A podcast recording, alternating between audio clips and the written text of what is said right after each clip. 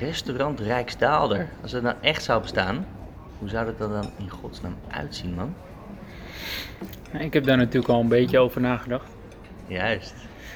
Ik zou het te gek vinden als we een eh, restaurant hebben waarin het midden de keuken hebben. Ja, Een ronde keuken.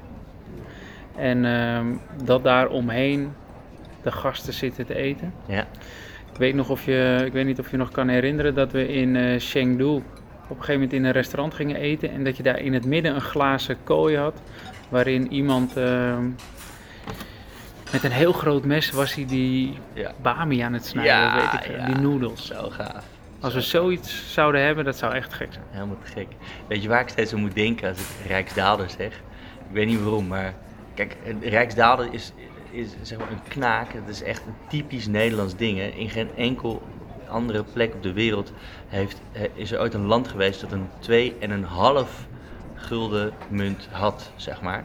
En je had in Nederland had je ook de Riksbioscoop. En dan kon je zeg maar voor een Riks, voor een Rijksdaalder, kon je naar de bioscoop. Dat is zo lachen.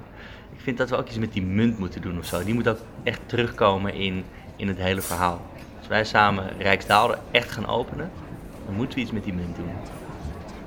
Dat is cool.